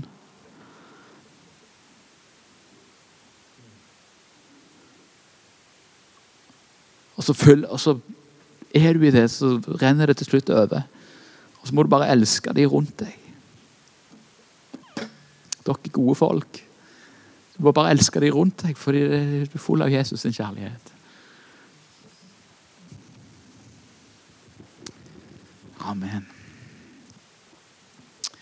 Så kommer vi til Paulus, som da nå går over i å snakke om, om Israel. Dette har jo jeg snakket om på søndagsmøtene, men så ble det litt repetisjon. Men, men eh, ja, vi kommer òg inn i dette predestinasjonsgreiene. Men først Romerbrevet 9, 1-5. Jeg sier sannhet i Kristus, jeg lyver ikke. Min sannvittighet vitner med meg i Den hellige ånd at jeg har en stor sorg og en stadig nød i mitt hjerte. For jeg skulle ønske at jeg selv var forbannet bort fra Kristus for mine brødres skyld, mine slektninger etter kjødet. Det er ganske sterkt, det Paulus sier her. Her har han nettopp sagt hva som er arven. Og så sier han jeg skulle ønske at jeg kunne sluppe eller jeg skulle ønske meg vekk fra den arven hvis det kunne bety at mitt folk hadde fått den arven. Det er òg litt sånn etter Kristi hjerte. Han har òg lyst til å gi sitt liv for at noen andre skal bli frelst. Og gi sin, sin verdighet og sin arv og alt det han har fått, for at noen andre skal bli frelst.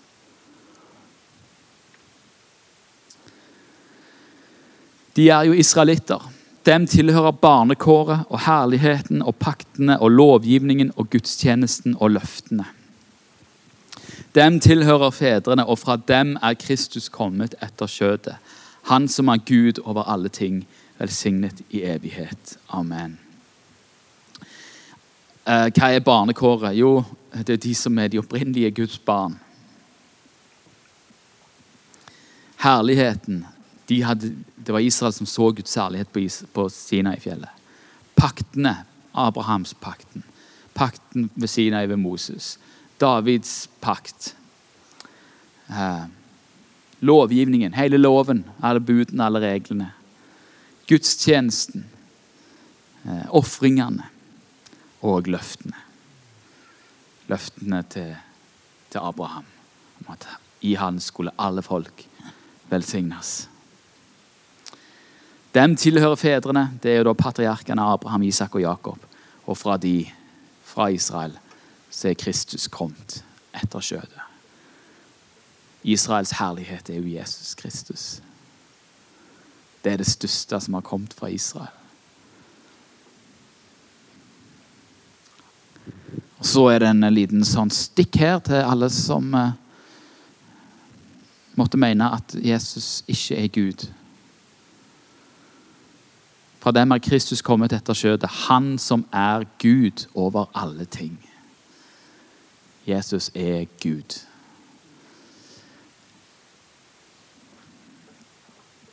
Det er ikke det Jehovas vitner mener, men det er sannheten.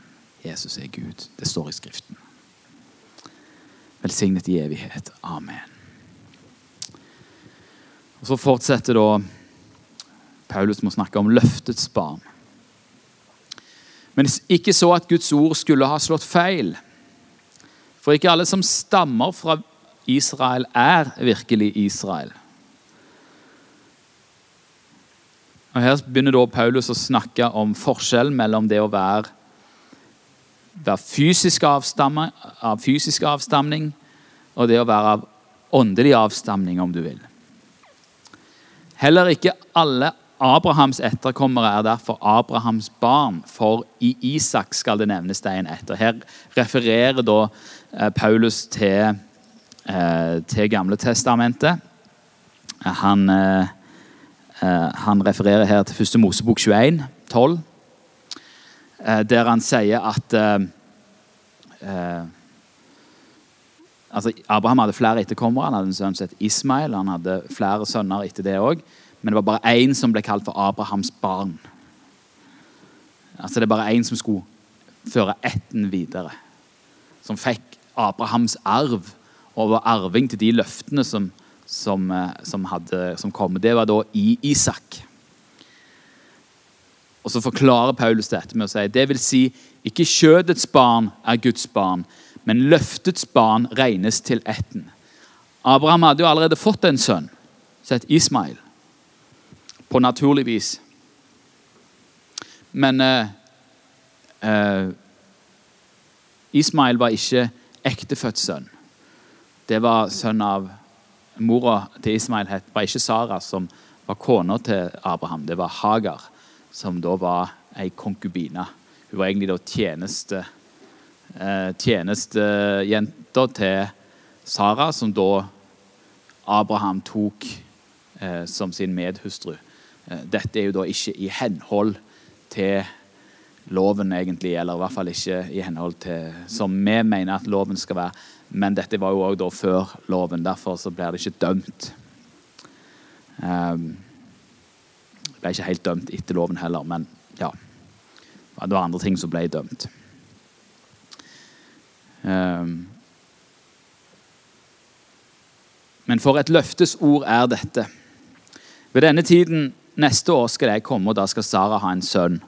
Her, her refererer Paulus igjen til, til første Mosebok eh, og første Mosebok 18. Og Poenget til Paulus er at det kom et løfte om en sønn. Som da ble til på overnaturlig vis, siden Sara var veldig gammel. Så det var barnet som kom etter Guds løfte, som ble regna som ættens videreformidler, ikke det som kom etter kjødet. Hvorfor er dette viktig? Ja, det var veldig viktig for jødene. For de så på seg sjøl som Guds folk i kraft av at de var jo etterkommere av Abraham, Isak og Jakob. Men Kristus viser hvem som er Guds folk. For, det, for den som forkaster Kristus, er ikke Guds folk.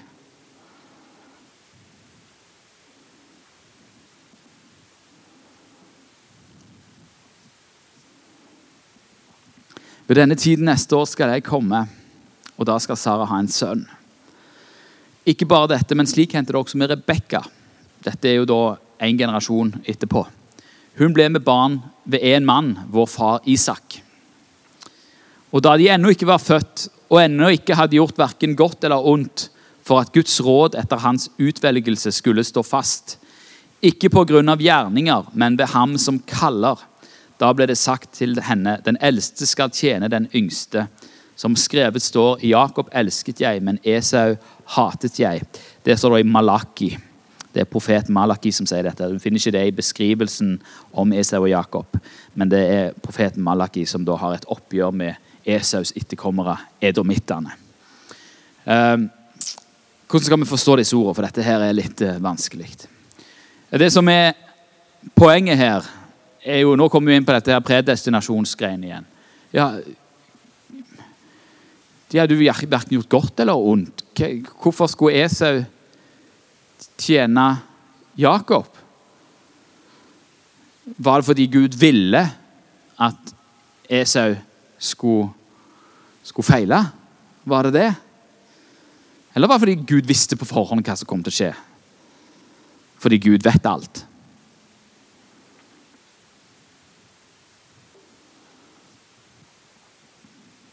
Og når han da sier at sånn kommer det til å bli, ja, så blir det sånn. Hvis Gud åpenbarer at sånn skal det bli, ja, så blir det sånn. Fordi Gud er Gud, og han ser alt. Og så er det òg et poeng i dette at eh, Selve poenget er at eh, Poenget er ikke predestinasjonen. Poenget er Gud kaller etter sin utvelgelse.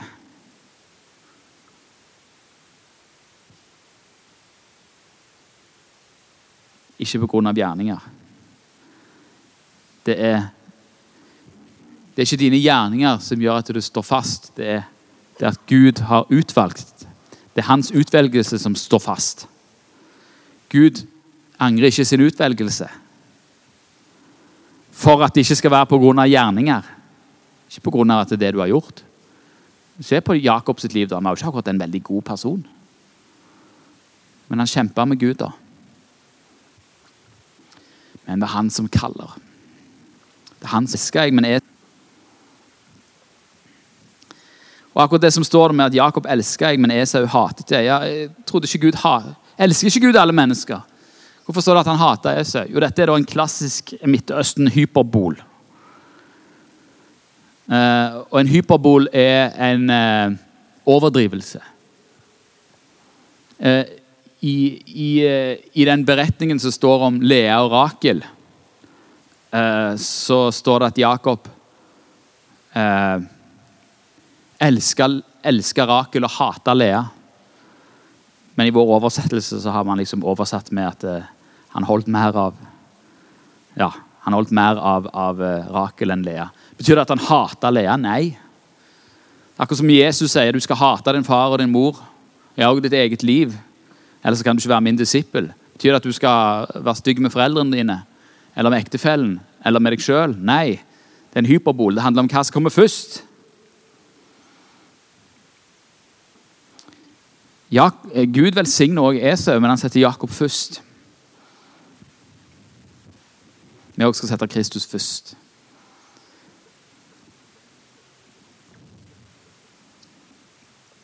Og da er jo spørsmålet er da Gud urettferdig. Han tar den runden, Paulus.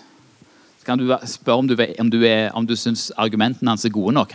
Han, han, går jo egentlig ikke inn i argumenter så mye, Paulus. Han bare erklærer at det er tåpelig å tenke sånn.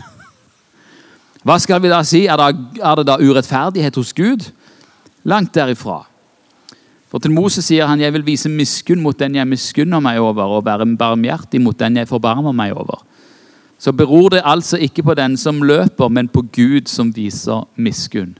Hele ting, Poenget til Paulus her er ikke predestinasjon. Det å vise at Gud er den som kaller. Gud er den som viser nåde. Det er ikke ditt verk. Det er ikke din fortjeneste. Så det er én ting Paulus vil ha banka igjennom, så er det at det handler ikke om hvor flink du er og hvor god du er. Det handler om at han kaller deg fordi han elsker deg, og fordi han vil vise nåde mot deg. Ja, men Hva sier du til dette, da, Thomas? Forskriften sier til farao nettopp til dette reiste jeg deg opp, at jeg kunne vise min makt på deg, og at mitt navn skulle bli forkynt over hele jorden. Altså, hvem han vil, den viser han miskunn, og hvem han vil, den forherder han. Ja, Det høres jo veldig ut som at Gud bestemmer på forhånd hvem som skal velges ut, og hvem som skal, hvem som skal bli frelst, og hvem som skal gå fortapt. At Gud hater noen, og Gud elsker andre. Men det er ikke det som er tilfellet. Gud elsker alle. Men han lar, de, han lar mennesker bli forherda.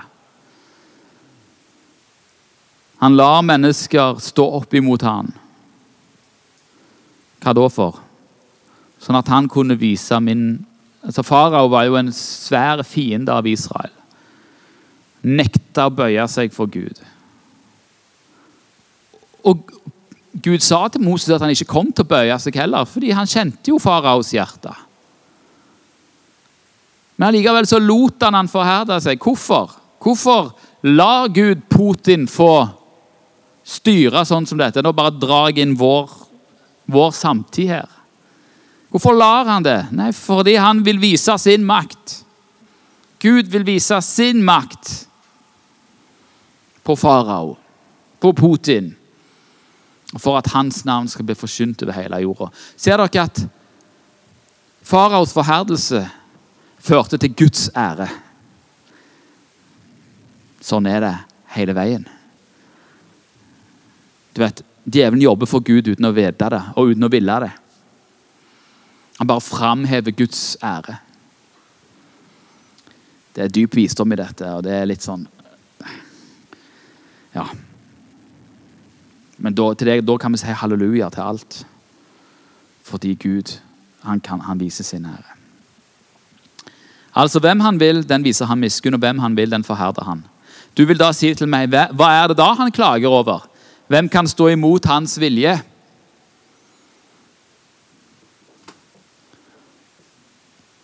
Og det er da på en måte Paulus bare avfeier det. Men hvem er det du, menneske, som tar til gjenmæle mot Gud? Kan vel verket si til ham som formet det, hvorfor gjorde du meg slik? Eller har ikke pottemakeren makt over leiren, så han av samme deig kan lage et kar til ære og et annet til vanære? Og disse karene til ære og til vanære de kommer vi litt nærmere på i neste side her nå. Men hva er det da han klager over? Hvem kan stå imot hans vilje? Det kan man jo spørre oss sjøl. Ja, ja, jeg kan jo ikke valgene gå fortapt, da.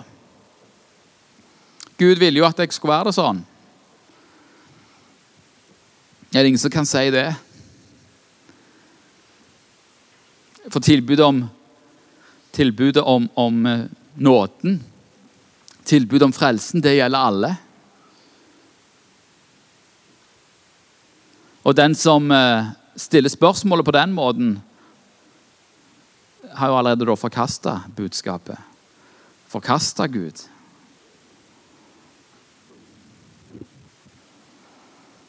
Legg merke til at eh,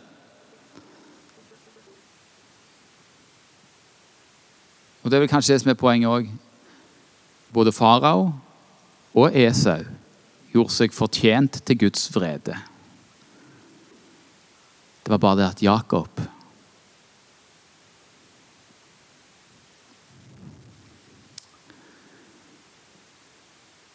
og Ismail, nei, Jakob og Isak De gjorde seg ikke fortjent til Guds nåde. Det er det som er poenget. Det var Guds miskunn. Det var Guds nåde. De gjorde seg ikke fortjent til posisjonen de fikk. De fikk han av Guds nåde. De andre gjorde seg fortjent til vreden, fordi vreden ligger over oss alle. Alle har vi fortjent vreden. Men Gud kaller på deg, for han vil gi deg nåde. Det er det som er hemmeligheten her.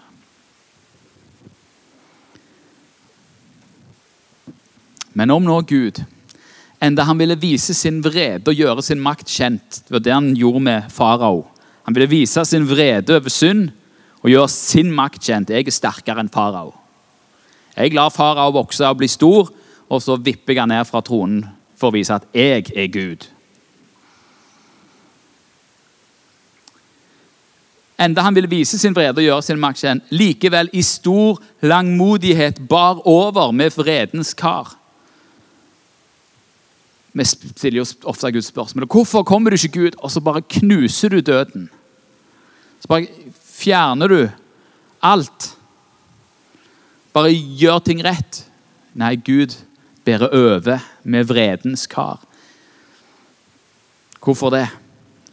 Som var gjort ferdige til undergang. Om han nå gjorde dette for å kunngjøre hvor rik hans herlighet er over miskunnhetens kar, som han forut hadde gjort i stand til herlighet. Hvis Gud har så stor overbærenhet og så stor tålmodighet med de som Gud vet kommer til å gå fortapt Hvordan rik er da hans herlighet for deg som ikke går fortapt? Ser dere? Det er egentlig Paulus prøver å vise her, det er god er ikke Gud? De som har gjort seg fortjent til synd og dom, de kommer ikke Gud med dommen med med en gang. Han er tålmodig. Han kaller på dem, han kaller på dem. Selv om han, ikke, selv om han vet at de kommer til å fornekte ham, så kaller han på dem. Har han dødd for dem òg, selv om han vet at de kommer til å fornekte. Hvorfor det? Hvorfor er Gud så raus? Fordi han er Gud, fordi han er kjærlighet. Derfor. Til å være slike kar har han gjort oss, eller han har også kalt oss, ikke bare av jøder, men også av hedninger. Og Her går jo da Paulus inn for å vise Nå skal jeg avslutte veldig snart, her, for da er vi litt på overtid. Um, Romerbrevet 9, 25-29. Uh, slik sier han da også hos Hosea. Det som ikke er mitt folk, vil jeg kalle mitt folk, og henne som ikke er elsket, vil jeg kalle min elskede. Og Dette er jo for at jødene skulle forstå at hedningene òg var med i Guds folk. For det som ikke er mitt folk, vil jeg kalle mitt folk, sier, sier Gud til Hosea. Og henne som ikke er elska, vil jeg kalle min elskede. Vi er Guds folk. Og det skal skje på det stedet hvor det ble sagt til dem dere er ikke mitt folk, der skal de bli kalt den levende Guds barn. Og det er vi. Jeg har bare én slide etter dette, her, så, så da er vi ferdige. Og Jesaja roper ut over Israel. Om tallet på Israels barn er som havets sand, så skal bare en rest bli frelst. For sitt ord skal Herren sette i verk og hastig fullføre på jorden. Og som Jesaja har sagt, hadde ikke Herren Sebaot latt en ett bli igjen for oss, da var vi blitt som Sodoma, vi var blitt lik Gomorra. Hva er det Paulus prøver å si sier her til Israel? Jo, profetene sjøl sier at uh, bare en rest skal bli frelst av Israel. Og det er alltid en rest som er frelst av Israel. Uh, er det fordi Israel ikke er utvalgt? Nei, Israel er utvalgt. Men mesteparten av Israel har forkasta Gud og forkasta Gud pga. oss hedninger.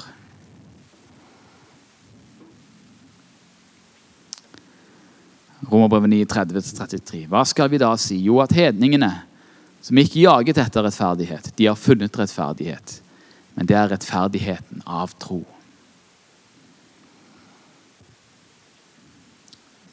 Jeg er rettferdiggjort fordi jeg tror på Jesus Kristus, på det han har gjort. Det er det som frikjenner meg. Israel derimot, som søkte rettferdighetens lov, kom ikke fram til denne lov. Hvorfor? Fordi de ikke søkte den ved tro, men ved gjerninger. De prøvde å gjøre seg sjøl fortjent til Guds eh, velbehag. De støtter mot snublesteinen, som det står skrevet. Se, jeg legger i Sion en snublestein og en anstøtsklippe. En anstøtsklippe det er en klippe som du får anstøt av.